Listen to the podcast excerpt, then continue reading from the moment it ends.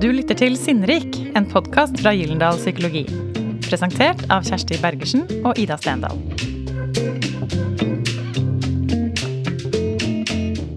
Kulturelle forskjeller mellom terapeut og pasient er relevant i alle terapeutiske møter. Men vi blir kanskje særlig opptatt av det når vi møter en pasient med innvandrer- eller flyktningbakgrunn, som kommer fra et land med en kultur og levekår som er annerledes og ofte ukjent for oss. Konteksten for møtet er det norske helsevesen. Og terapeuten som tar imot pasienten, har jo ofte norsk bakgrunn og er utdannet ved et norsk universitet. For terapeuten er målet for all behandling å gi tilpasset hjelp som har effekt. Men så er spørsmålet får vi til det? Og hva kan vi gjøre for å tilpasse oss, sånn at vi faktisk gir den hjelpen som pasienten ønsker og har krav på? Jeg har lært av folk som er gode på podkast, at eh, man skal helst ikke ha isbiter i sånne vannvugger. vi får drikke litt eh, godt før vi begynner. Jeg heter Ida Stendal, og på den store psykisk helsekonferansen Schizofrenidagene i Stavanger fikk jeg med meg de to psykologspesialistene Akaya Ottesen og Semir Popovats opp på scenen for å snakke om den kulturbevisste terapeuten. Egentlig så er det jo bare common sense, men så går man en lang utdannelse for å glemme det. Og så har man mange erfaringer for å komme tilbake til utgangspunktet. Ja. I doktorgraden sin studerte Akaya psykoselidelse hos innvandrerpopulasjonen. Og hun er en av to redaktører av boka Kultur og kontekst i praktisk psykologarbeid, som kom ut i 2020. Akaya er i dag ansatt ved Nasjonalt kompetansesenter om vold og traumatisk stress og ved Norsk arbeidshelse. Hvordan tenker dere at det er å komme til akkurat Norge? Hva er, hva er liksom våre blinde flekker? Kan, kan, vi, kan, vi, snakke fritt? ja. Semir Popovats er en av gründerne og lederne av psykologklinikken Favne psykologbistand. Han underviser i bl.a. migrasjonshelse ved NTNU, Høgskolen i Innlandet og på spesialistutdanningen for psykologer.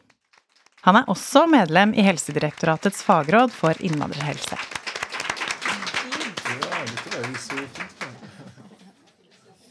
Summingen fra en fullsatt sal legger seg idet jeg stiller første spørsmål om hvorfor de ble opptatt av akkurat dette med kultur i arbeidet sitt som psykologer.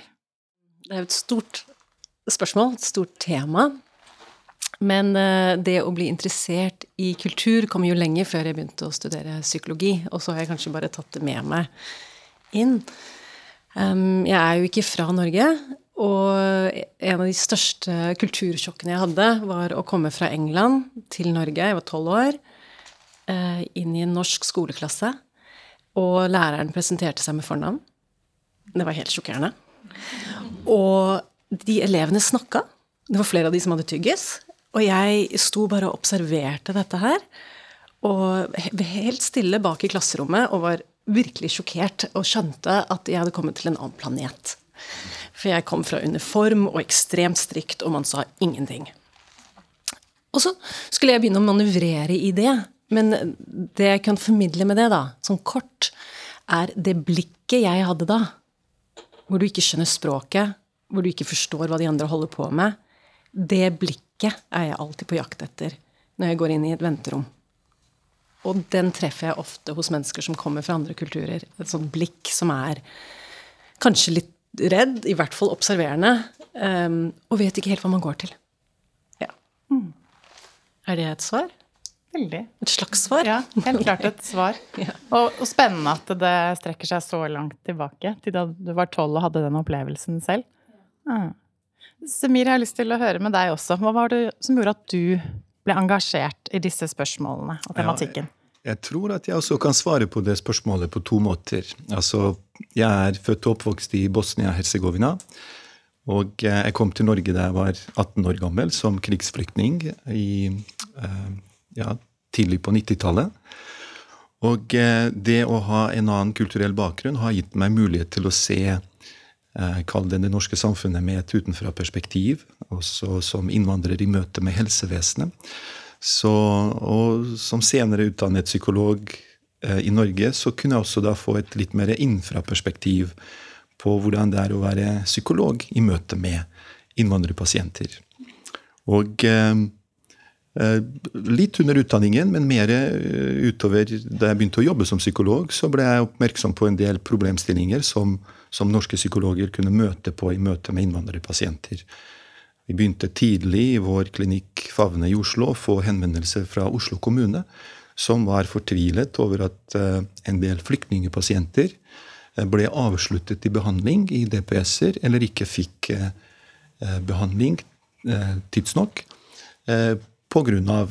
ymse begrunnelser, bl.a. med at pasienten ikke var f.eks. motivert for behandling. Så vi oppdaget, eller ble gjort oppmerksomme ganske tidlig på at her er det en pasientgruppe som kanskje ikke får den hjelpen som de, som de skulle få. Og at eh, problemstillingene kanskje ikke ligger i selve pasienten, men i, i de møtene som oppstår mellom innvandrerpasienten og, en, og, og, og norsk helsevesen. Så det var en slags sånn inngangsbillett for meg. altså Både mine personlige erfaringer av å være innvandrer i Norge, men også profesjonell psykolog i det norske helsevesenet, som, som gjorde meg oppmerksom på disse problemstillingene og fikk meg interessert. Du var jo litt inne på det, Smir, at uh, vi blir jo opp, det skal vi også være opptatt av i dag, denne samtalen her, dette møtet.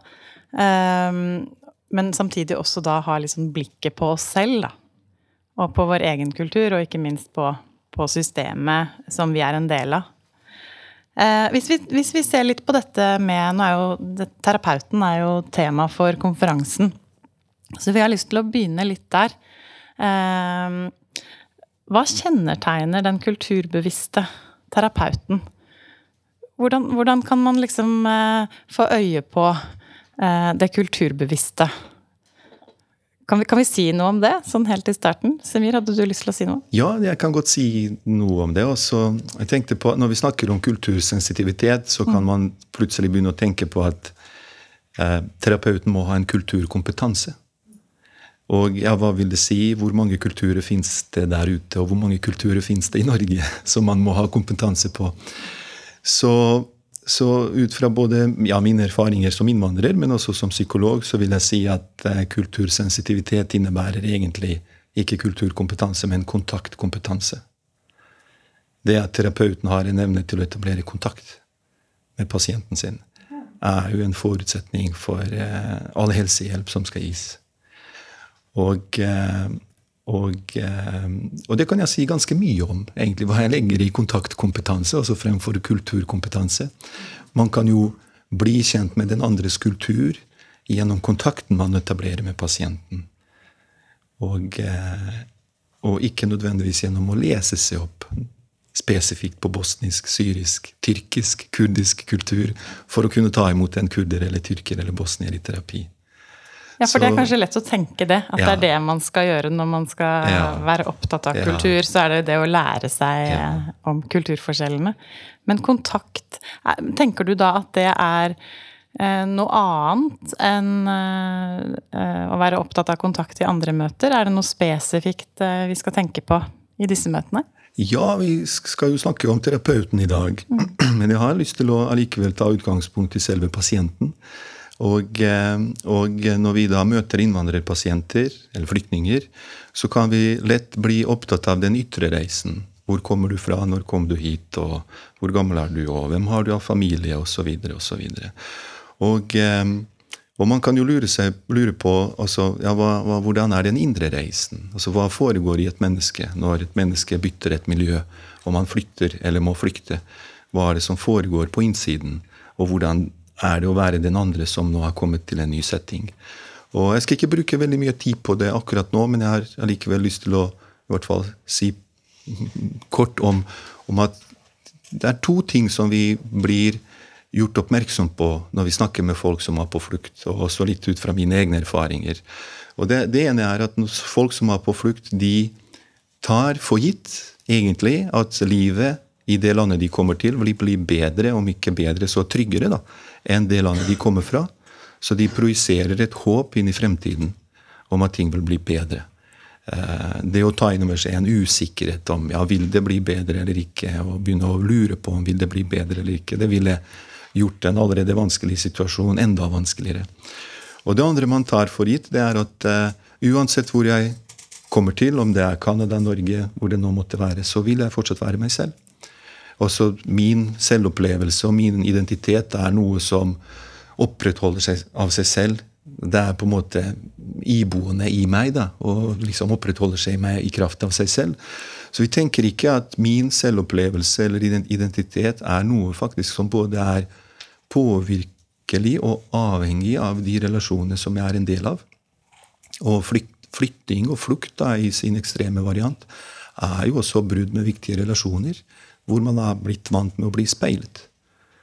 Og har blitt vant med å finne seg selv i de relasjonene som eh, Og når man da kommer til et nytt land, nytt miljø, så, så mister man også de viktige relasjonene som har vært med på å opprettholde ens egen selvopplevelse. Så mange innvandrerpasienter vil kunne rapportere at de opplever at de har reddet sitt liv, men at de er i ferd med å miste seg selv. Og, eh, og, det, og, og, det, er folk ikke forberedt på. Fordi de tenker som sagt at jeg er jo meg selv uansett hvor jeg skulle komme til. Mm. Og Derfor så sier jeg at dette kontaktperspektivet i, også i en terapeutisk relasjon er veldig viktig. Prøv å etablere kontakt med vedkommende. Bak symptomene, bak kulturen, bak tradisjonen. Mm. Ja. Hva, tenker du når du hører dette, dette med kontakt og, og ikke minst også dette med røtter og, og selv, at man, man mister seg selv ja.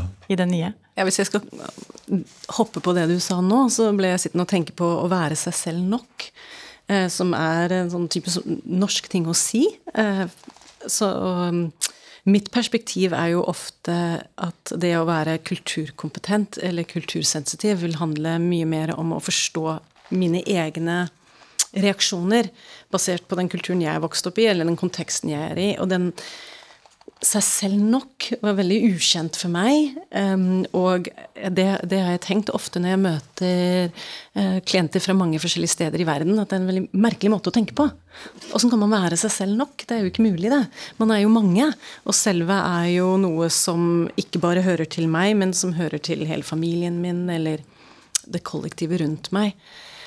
Um,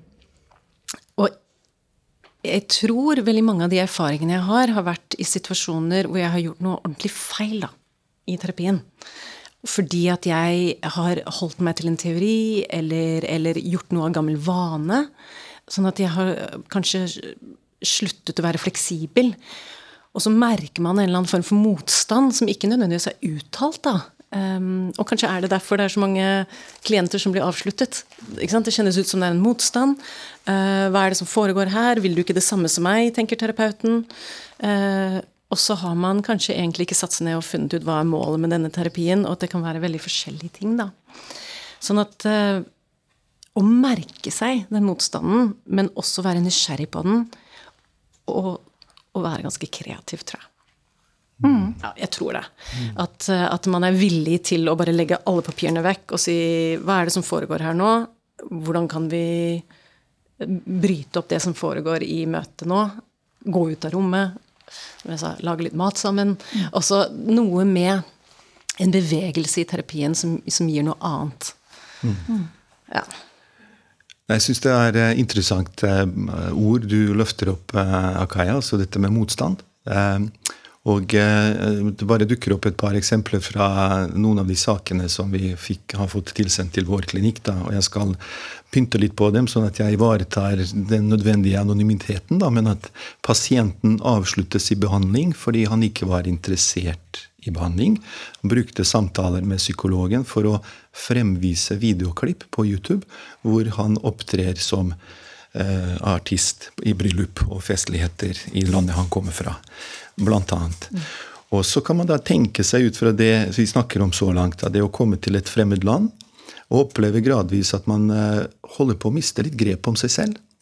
Uten at man vet egentlig hva det handler om. Fordi man skal jo egentlig være glad for at man er kommet seg til et trygt land. Man skal være kanskje til og med litt sånn takknemlig for mulighetene som ligger her. Og så kjenner man eh, allikevel at man mister grep om seg selv. Så kan man tenke seg da, når man kommer til en samtale med psykolog, om fokuset på søvn, matvaner, depressive plager, nedstemthet eh, kan være med på å forsterke en opplevelse av fremmedgjøring. Sånn at denne pasienten som fremviser videoer hvor han synger i bryllup og fester i hjemlandet sitt, er et forsøk på å etablere en kontakt. en forsøk på å fortelle at her er jeg. Hvordan ville terapien vært hvis eh, terapeuten hadde sagt eh, 'for en stemme du har'? Hva er det du synger? Ja, hvem er det som har skrevet det der? Er det folket som, Hva betyr det? Ja, litt av en festlighet. Hva slags mat er det som er på bordet der? Får du tak i sånt i Oslo? Og så videre og så videre. Så kan man si at ja, da sporer man av fra pakkeforløpet, da. Så men, Hvordan skal du registrere det? Hvordan skal man kode, kode arbeidet man gjør? Men, eh, men, vi vil jo da kunne si at det her er jo en veldig viktig del av kall det helsehjelpen, også for å gjøre det til en sånn til teknisk terminologi også, men en veldig viktig del av kontaktetableringen. Mm. Ja. ja. for det var også noe jeg tenkte på, sant, dette med systemet vårt. Da. Du var jo litt inne på det nå. Eh, vektlegger jo ikke sant, kartlegging, kategorisering, diagnostisering eh, i denne første fasen. Og som et hele, Det er jo hele utgangspunktet for det videre behandlingsløpet. Og du, du, har jo sagt en del om det, men kan du si litt mer om det? Altså, hva, Hvordan fungerer dette på tvers da, av kulturer? Hvordan kan, man, hvordan kan man løse dette som terapeut? Ja. Altså, jeg tror det må løses, og det må uh, snakkes høyt om.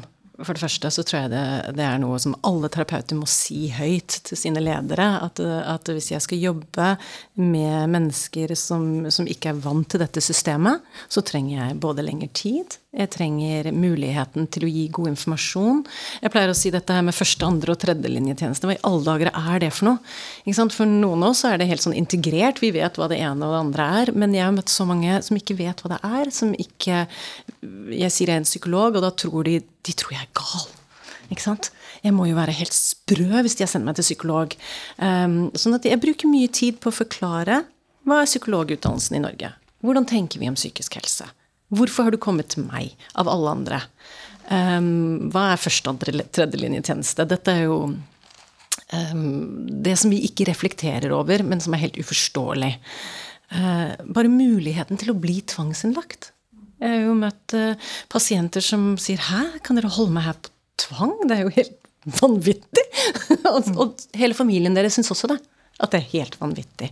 Sånn at jeg tror det er å gi mye informasjon eh, om hva dette her er for noe, og hva det ikke er for noe. Eh, si at det vil ta lengre tid. Og så er jeg Jeg, jeg tror at eh, vi kan ikke sette oss ned og nødvendigvis bruke en vanlig diagnostisk verktøy. Jeg har jo nevnt det for deg før. Eh, det fins jo diagnose, um, diagnosemanualer i Kina som gjelder for en milliard mennesker, som jeg ikke engang visste om. Uh, og i Latin-Amerika fins sitt eget, hvor um, de er mye mer opptatt av kontekst og funksjon og situasjon.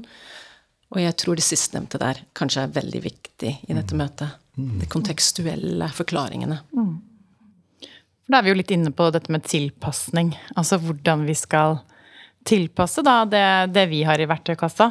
Uh, intervensjoner og metoder. Ja. Hva tenker du, Semir? Ja, altså Man kan jo reflektere over dette ordtaket. Jeg vet ikke om det er et ordtak eller ordspill. Vi sier at i Østen er man opptatt av kontakten, men i Vesten er man opptatt av kontrakten. Så hvis noen av dere har prøvd å kjøpe en bil i Marokko, f.eks., så vil man oppleve at det er noe helt annet enn å kjøpe bil i Norge. Der setter man seg ned og drikker te og prater før man i det hele tatt har nevnt pris. Ikke sant? Så... Så, og vi kan jo kanskje si at uh, dette kontaktperspektivet er jo veldig viktig. Altså.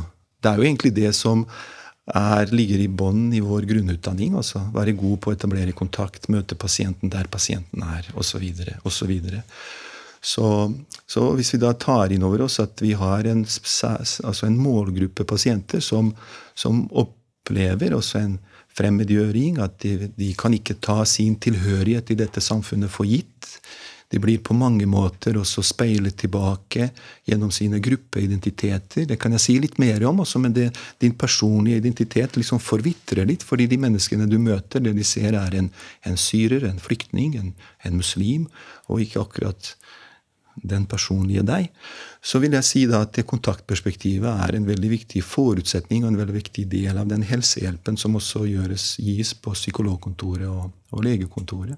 Og jeg er helt enig med deg, Akaya, også at det, det ikke nødvendigvis endrer tenkningen rundt pakkeforløp, men inviterer oss til å rett og slett gjøre noen tilpasninger. Også at det å etablere kontakt. før man da går inn i arbeid med kontrakt, er jo veldig viktig. Vårt, uh, vårt helsevesen er jo kanskje veldig kontraktfokusert. Vi er jo fokusert på oppgave, diagnostisere, utrede, kartlegge symptomer, komme med en diagnose, foreslå rett behandling, foreta evalueringer. Det er veldig hands on, og det er veldig bra. Vår oppgave er å lindre smerte og, og kurere sykdom, satt på spissen. Så, og, og, vi kan da noen ganger være litt raske kanskje i møte med disse pasientene med å introdusere kontraktperspektivet, uten at vi har sørget for at faktisk vi har med oss folk når de kommer i kontakt med oss, så vet de forskjell mellom barnevern og BUP. Vet de forskjell også mellom eh, psykolog, og psykiater og lege? Alt dette er eh, forståelser som på en måte vi tar for gitt i vår kultur. Men det er ikke sikkert at eh, pasienten som sitter foran oss, vet alt dette her. Og hvis han skal være med på en terapeutisk reise, så er det viktig å investere tid i denne kontaktetableringen. Mm. Mm. Jeg tror at um, dette du sier med å jobbe på tvers av kulturer egentlig gjelder for all behandling. Det er kanskje det jeg kjenner mer og mer på. At når jeg har jobbet innenfor dette feltet, så har jeg liksom hatt fokus på det krysskulturelle møtet eller det transkulturelle møtet, eller kall det hva du vil. Men egentlig så kunne vi vært mye bedre til dette i alle møtene. Um, spesielt dette med diagnose, da. Mm. Så den tiden jeg vil ta med en pasient som kommer fra en veldig annerledes kultur enn den norske, med å gjennomgå hva vi tenker en diagnose er, og hva diagnostikk er, og lage en formulering sammen som vedkommende kan eie. Det er jeg veldig opptatt av. Det burde jeg egentlig være opptatt av i alle møter, eh, i mye større grad. Så alt kommer til å ta lengre tid nå. Mm. Ikke kortere. Nei da. Men det er Fra spøk til alvor så er det noe som vi glemmer ikke bare pga. kultur, men også kontekst. Mm kontekstuelle og mennesker ja. som har vokst opp i veldig forskjellige miljøer her i Norge ja. også. Ja. Som føler seg Som har en utenforskap. Og da har jeg lyst til å si noen ting om som, Nå bryter jeg litt, da, men jeg har lyst til å si noen ting om hvordan vi psykologer kan fremtre, eller våre også terapeuter, som du var inne på i begynnelsen, dette med middelklasse, altså bare de klærne vi går i. Jeg har hatt noen sånne møter eh, hvor, eh, hvor det er en så stor eh, sosioøkonomisk forskjell i det møtet, og det er, det er, så observerbare for alle involvert at det faktisk gjør kontakt vanskelig. Mm. Begge veier. Mm. Eh, fordi det blir så mange fordommer begge veier. Mm. Så tilbake til å fremstå mer nøytral tror jeg kanskje er også viktig i dette arbeidet. Og veldig viktig poeng det du har der, Akaya, tenker jeg, det at eh, vi må ta med oss dette inn i i alle møter, ikke sant. Og det er litt sånn Det kan være så mange uh, ting og temaer som gjør at f.eks. maktubalansen kan være der i et møte. Det kan være spørsmål om majoritet, minoritet, eh, levekår, ikke minst, som, som, gjør at vi kanskje skal ha med oss denne bevisstheten om kontakt, da. Mm. I mye større grad i, i, alle møtene vi er i. Men kan dere si litt mer om, eh, om bare før vi går videre, komme med noen eksempler på hvordan vi kan jobbe bedre med kontakt, da? Ja, altså vi kan jo, Jeg kan uh, si litt om både fra altså, klinikk, uh, våre egne erfaringer fra det arbeidet vi gjør i vår klinikk. Og så kan jeg også si litt om hva forskningen også forteller oss om, om dette feltet. Også. hva er det, hvor, hvor ligger problemstillingene? altså Hvilke problemstillinger er det forskningen avdekker? Og vi har jo forskning både fra Norge og flere andre land i Vest-Europa som trekker fram en del interessante problemstillinger. Og Det ene er at eh, det vi vet, er at innvandrerpasienter gir uttrykk for sine symptomer og smerte på en annen måte enn det psykologen forventer. Eh, det er det ene. Det andre er at eh, innvandrerpasienter bruker også flere konsultasjoner før man da blir henvist til spesialisthelsetjenesten. Så det tar, det tar litt tid eh, å få gjort de vurderingene og utredningene man skal. Og så ender innvandrerpasienter oftere med ikke-spesifikke diagnoser. Eh, noe hyppigere enn majoritetsbefolkningen. Rett og slett fordi vi har eh, ja, det er vanskelig å tyde og tolke symptomtrykket på den måten som man er trent opp til å gjøre i, i vår sammenheng. Og så ser vi også at eh, det har kommet mye forskning i det siste som viser at de vanskene som innvandrere opplever i mottakslandet, i vårt tilfelle i Norge, det man kaller for postmigrasjonsvansker, eh, lader på nesten like mye psykisk uhelse som de traumene som folk har opplevd under krig og flukt. Og det er jo også interessant. Så det er ikke bare å liksom ta imot folk og tenke at eh, han har opplevd fæle ting under krig og flukt, og det er ikke rart at han har det vanskelig.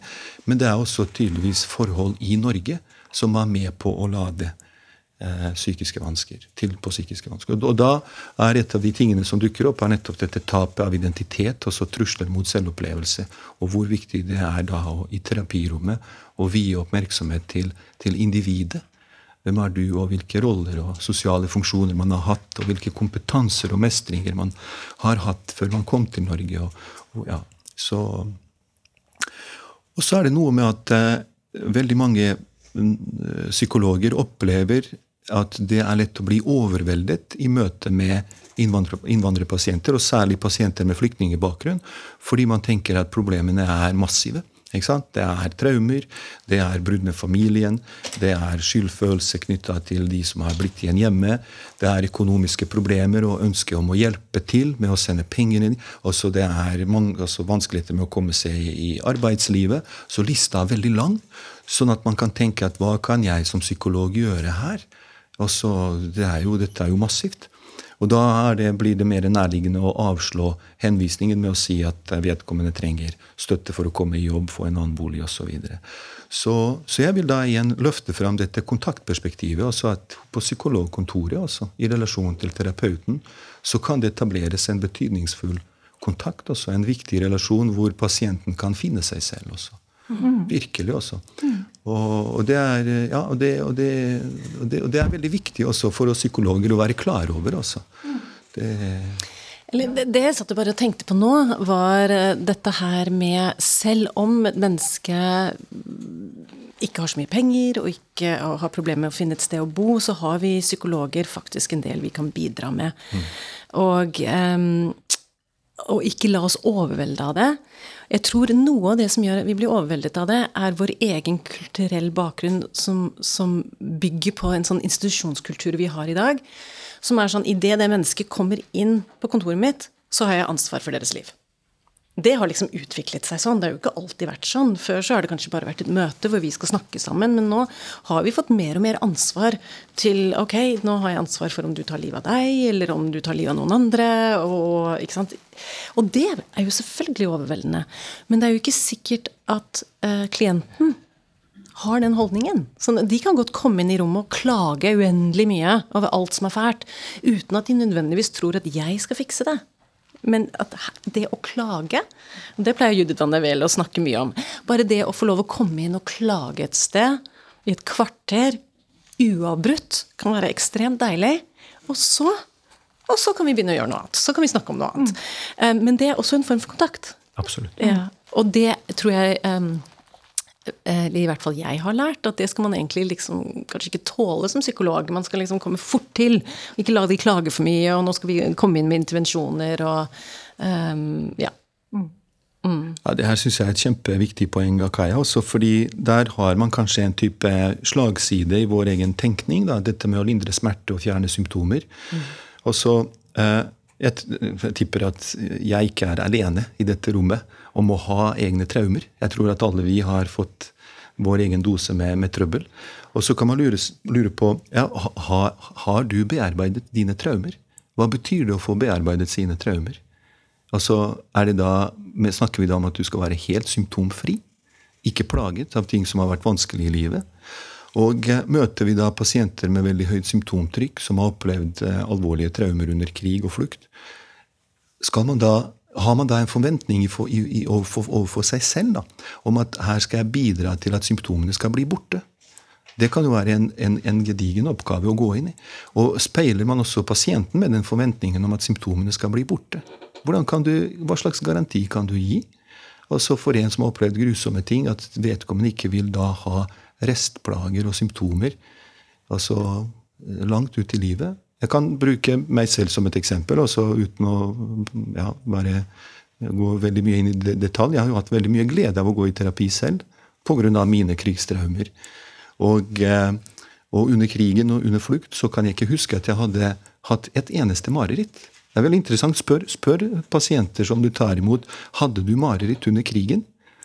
Det er helt sikkert at folk har det, men det er veldig vanlig å få mareritt etter. Altså når du har kommet til det trygge. Det er da man kollapser. Så det å plutselig da oppdage mareritt og den uro som har tatt bolig igjen, er veldig plagsomt. Og etter mange år i terapi og mange dyktige terapeuter, 30 år i Norge, så hender det at jeg fortsatt har mine mareritt. Vil man da si at jeg fortsatt har en diagnose, at jeg ikke er ferdigbehandlet, at jeg ikke har bearbeidet mine traumer? Det ville vært en type patologisk tilnærming til en sykdomsmodell som vi er trent opp til å tenke. ikke sant? Mareritt er symptom på PTSD. Men man kan også snu det opp ned og si at mine mareritt er faktisk et tegn på at det er noe sunt i min personlighet som nekter å forholde seg likegyldig til det jeg har vært gjennom. Ikke sant? Og dette er jo ikke å ta bort marerittene, men også gi dem en mening. Ikke sant? Som stadfester noe sunt i meg.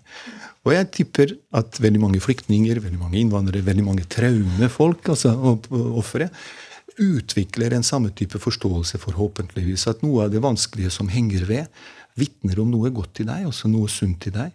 Det skulle bare mangle. ikke sant? Mm. Så istedenfor å ta ting bort, så kan man da si at eh, ja, man lærer seg å leve med det. Mm. Og ja. Mm. Og også dette at symptomene har sin funksjon. Og jeg har jo møtt mange som sier nettopp det du sier, at dette kan jeg ikke glemme. Hvis jeg glemmer dette, hvem er jeg da? Hvis ikke jeg bærer det i meg hver dag, har ikke forventning om at jeg skal ta vekk den smerten. Men allikevel så kan man få det bedre i hverdagen. Ja. Um, og det kan vi gjøre masse med, terapeuter. Mm. Ja, og Jeg må få lov til å dele en liten historie. Kaja, du fikk meg til å tenke på dette nå, og jeg har fått lov til å dele den. Jeg har en veldig god kollega. Hun heter Ayla Terzic, psykolog i Oslo, opprinnelig fra Bosnia. Og Bare for å illustrere ved hjelp av denne rørende historien også hvordan dette med å ta bort smerte versus være med i smerten kan ha en terapeutisk effekt også. Uh, nyutdannet Uh, ung psykolog Ayla får mulighet til å reise til det området i Bosnia som heter Srebrenica. Hvis det er noen av dere som ikke har hørt om det, så er det en landsby i Øst-Bosnia hvor befolkningen ble utsatt for folkemord. I løpet av fire dager i 1995 så ble det da over 8000 unge menn og gutter og eldre menn regelmessig slaktet. Det er den største krigsforbrytelsen på europeisk jord som har skjedd etter andre verdenskrig. Så tenk dere da når alle disse mannlige eh, beboere, innbyggere i det området er slaktet, og det er bare kvinner som er igjen, så reiser unge psykologen Ayla til Srebrenica for å bistå. Og så blir hun innlosjert hos en familie hvor det bare er én mannlig slektning som har overlevd, og mange kvinner. Og mens hun er der og skal bistå i hjelpearbeidet, så tar denne mannen sitt eget liv. Og kvinnene i familien er knust, Ayla er maktesløs, overveldet av sorgen. Og klok som hun er, så sier hun da på et tidspunkt til disse kvinnene Jeg vet sannelig ikke hva jeg skal si.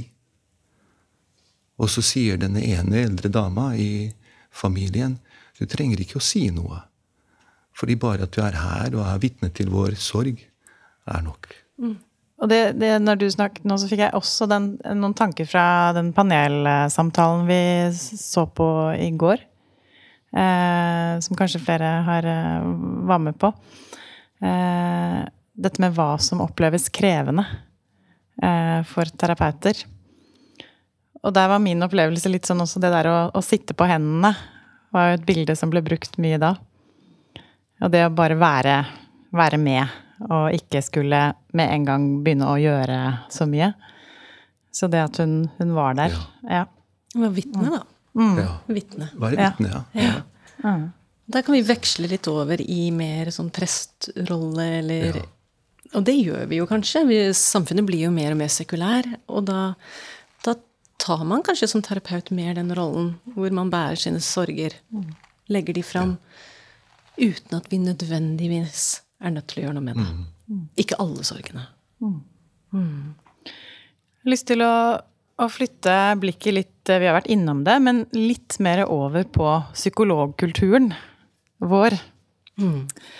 Um, og hvordan tenker dere at det er å komme til akkurat Norge? Og Hva, er- hva er liksom våre blinde flekker? Det er spennende. Kan, kan, kan, vi, kan vi snakke fritt? Ja, ja, det er jo Jeg, jeg, jeg skriver noe om det i den boka, 'Kultur og kontekst', og begynner med en av episodene jeg hadde, em, hvor eh, jeg hadde en gruppe med innvandrere fra mange forskjellige plasser i verden. Så det er jo det som gjør det litt ekstra interessant. Det var liksom ikke én kultur. Jeg var den norske kulturen. Jeg presenterte det, da. Og vi drev og snakket om sinne. Eller det er helt feil. Jeg drev og snakket om sinne. De satt og hørte på. Og så la jeg merke til at de la seg mer og mer tilbake i stolen og ble mer, mindre og mindre interessert i det jeg hadde å si. Som en stor gruppe. Som en sånn slags, Til slutt så bare lå de sånn tilbakeoverlent og var møkklei meg. Og jeg var framoverlent og veldig Det var den følelsen Jeg prøver å selge noe de ikke vil ha. Og da å stoppe opp i det øyeblikket og spørre hva er det som foregår, og da ble jeg bevisst en blind flekk jeg hadde, som var veldig, aldri hadde tenkt på. Og det var dette her med selvhjelp, da. For jeg vokste opp med selvhjelp som rundt meg på alle mulige måter. At eh, vår kultur så skal vi bare bli bedre versjoner av oss selv hele tiden. Ta aldri slutt. Vi kan ikke slappe av et sekund. Em, men de hadde jo kommet til meg fordi de hadde dratt til legen, og legen hadde sagt ja, du er syk, du må gå til hun. Og så kom de til meg, og så sto jeg der og sa da må du gjøre sånn og sånn og sånn. Og sånn. Og de bare hæ, hvorfor skal jeg gjøre det? Du skulle helbrede meg. Og det var en som, som gruppe, den følelsen. Så da begynte jeg å reflektere. og Det var en blind spot som jeg tror ikke reflekteres over, uh, i hvert fall på vår utdannelse. Jeg kan ikke huske at det ble det. Nei. Jeg gjorde det ikke. Nei, og så eh, Ja, når jeg sa i stad kan vi snakke fritt, så så jeg for meg liksom mange ting. jeg kunne si som innvandrer, med litt utenfra-blikk på, på Men eh, for å holde meg til psykologrollen, altså en av de tingene som vi er trent til å gjøre, er å anlegge et individualpsykologisk perspektiv i møte med pasienten. Det pasienten sier og gjør i terapirommet, måten pasienten er på overfor oss i relasjonen, tolker vi eller bruker vi som en slags materiale til å lage noen hypoteser da, om denne personen. Og gjerne da om de indre forholdene i den personen. Altså hvordan er det vedkommende forholder seg til sine følelser, hva slags toleranse for angst og uroaktivering er det vedkommende har, hvilke mestringsstrategier man bruker, osv. Så, videre.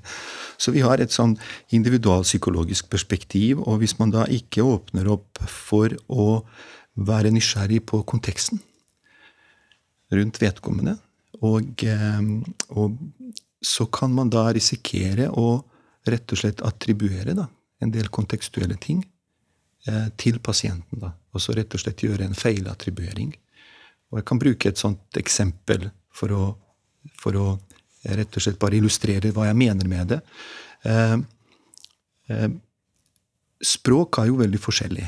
Ikke bare med tanke på forskjell i ordene, men det er også liksom hvordan språket er kalibrert opp mot konteksten.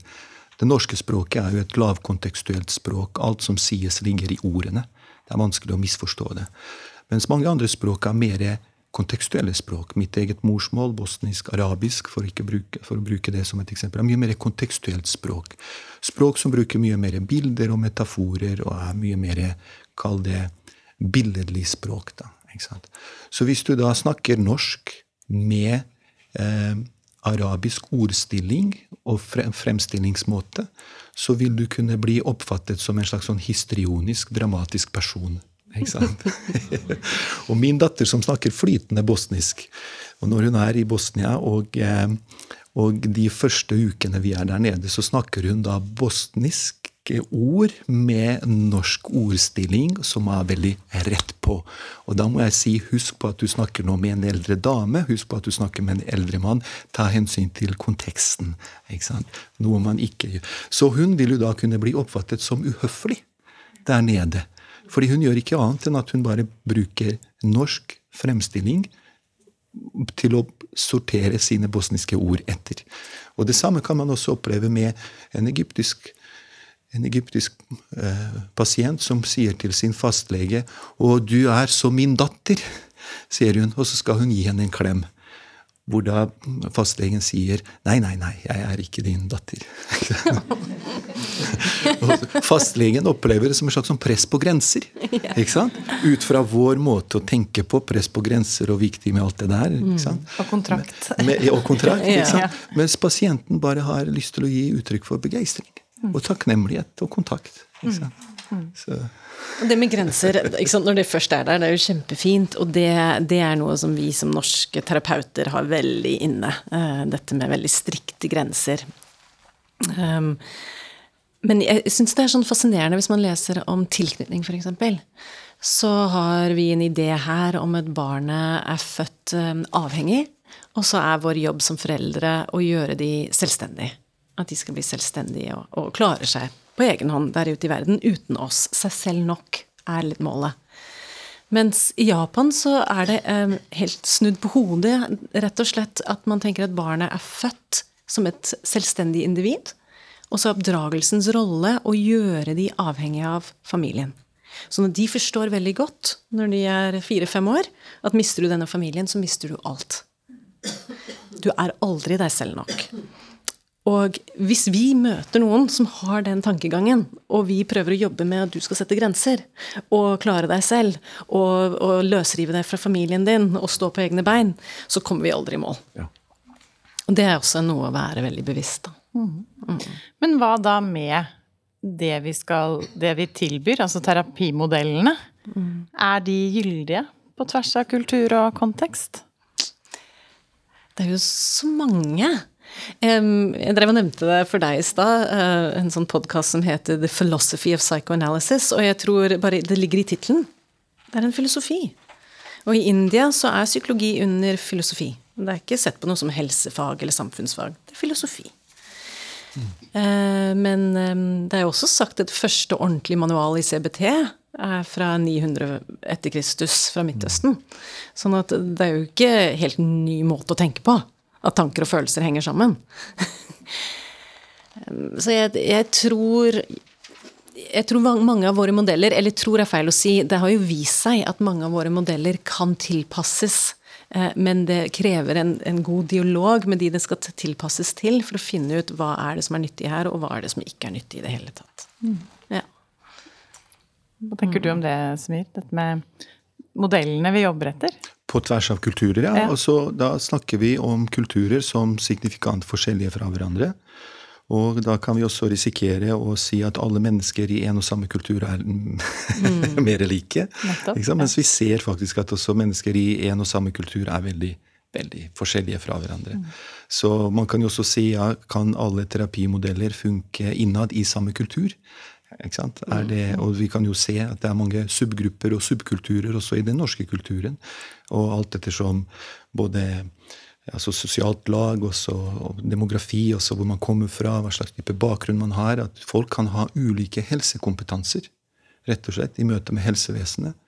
Og, eh, og jeg vil igjen da si at eh, kontaktbehovet er kulturuavhengig.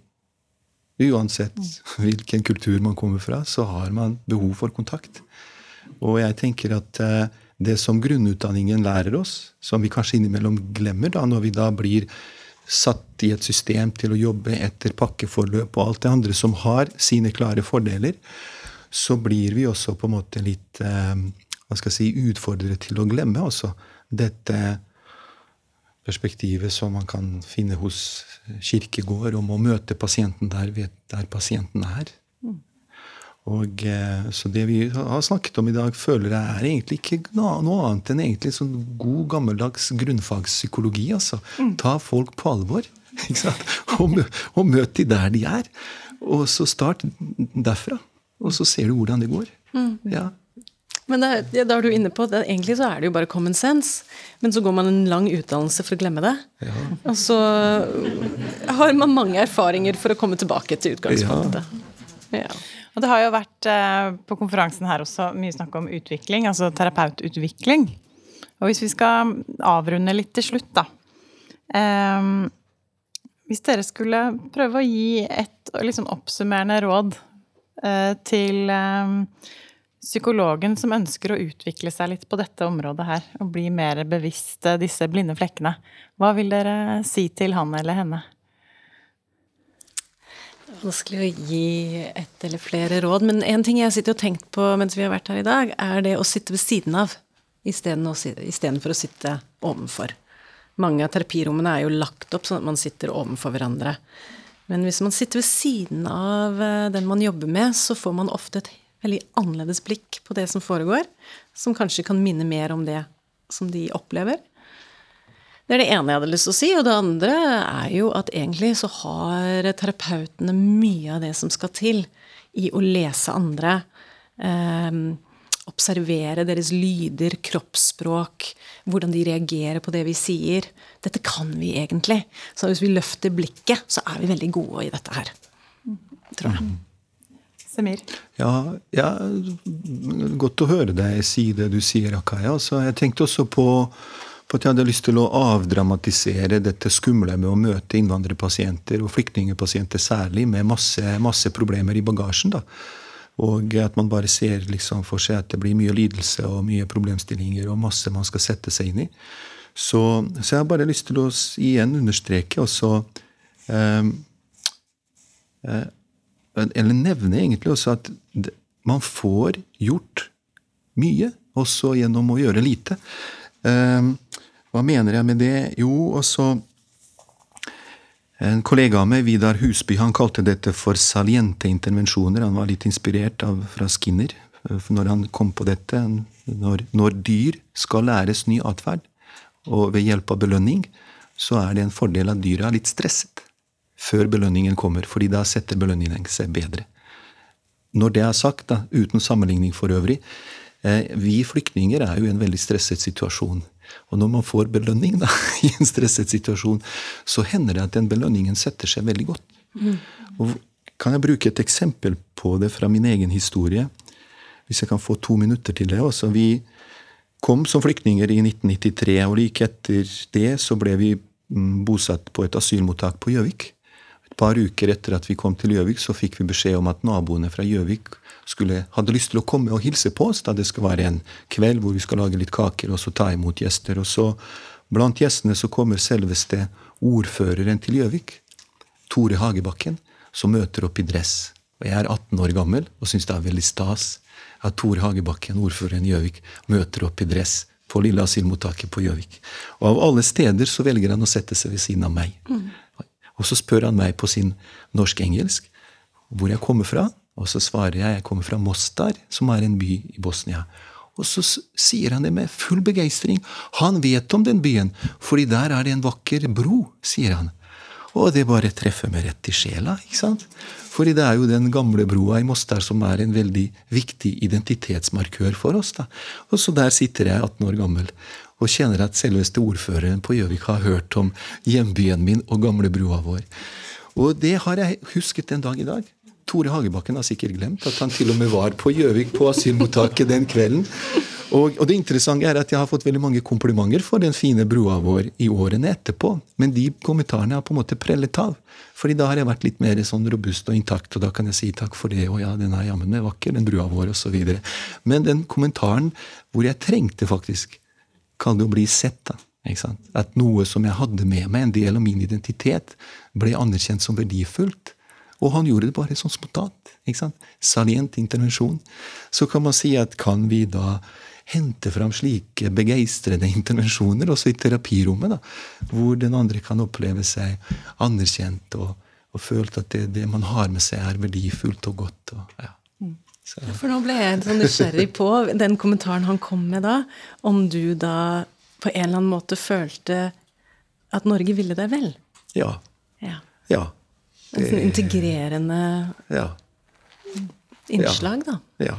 Mm -hmm. Ja, ja. Svaret er ja. ja. Det er fint, da. Da vil jeg si tusen takk til dere begge to, Akaya og Semir, for en veldig fin samtale. Tusen takk. Takk, takk. takk Ida.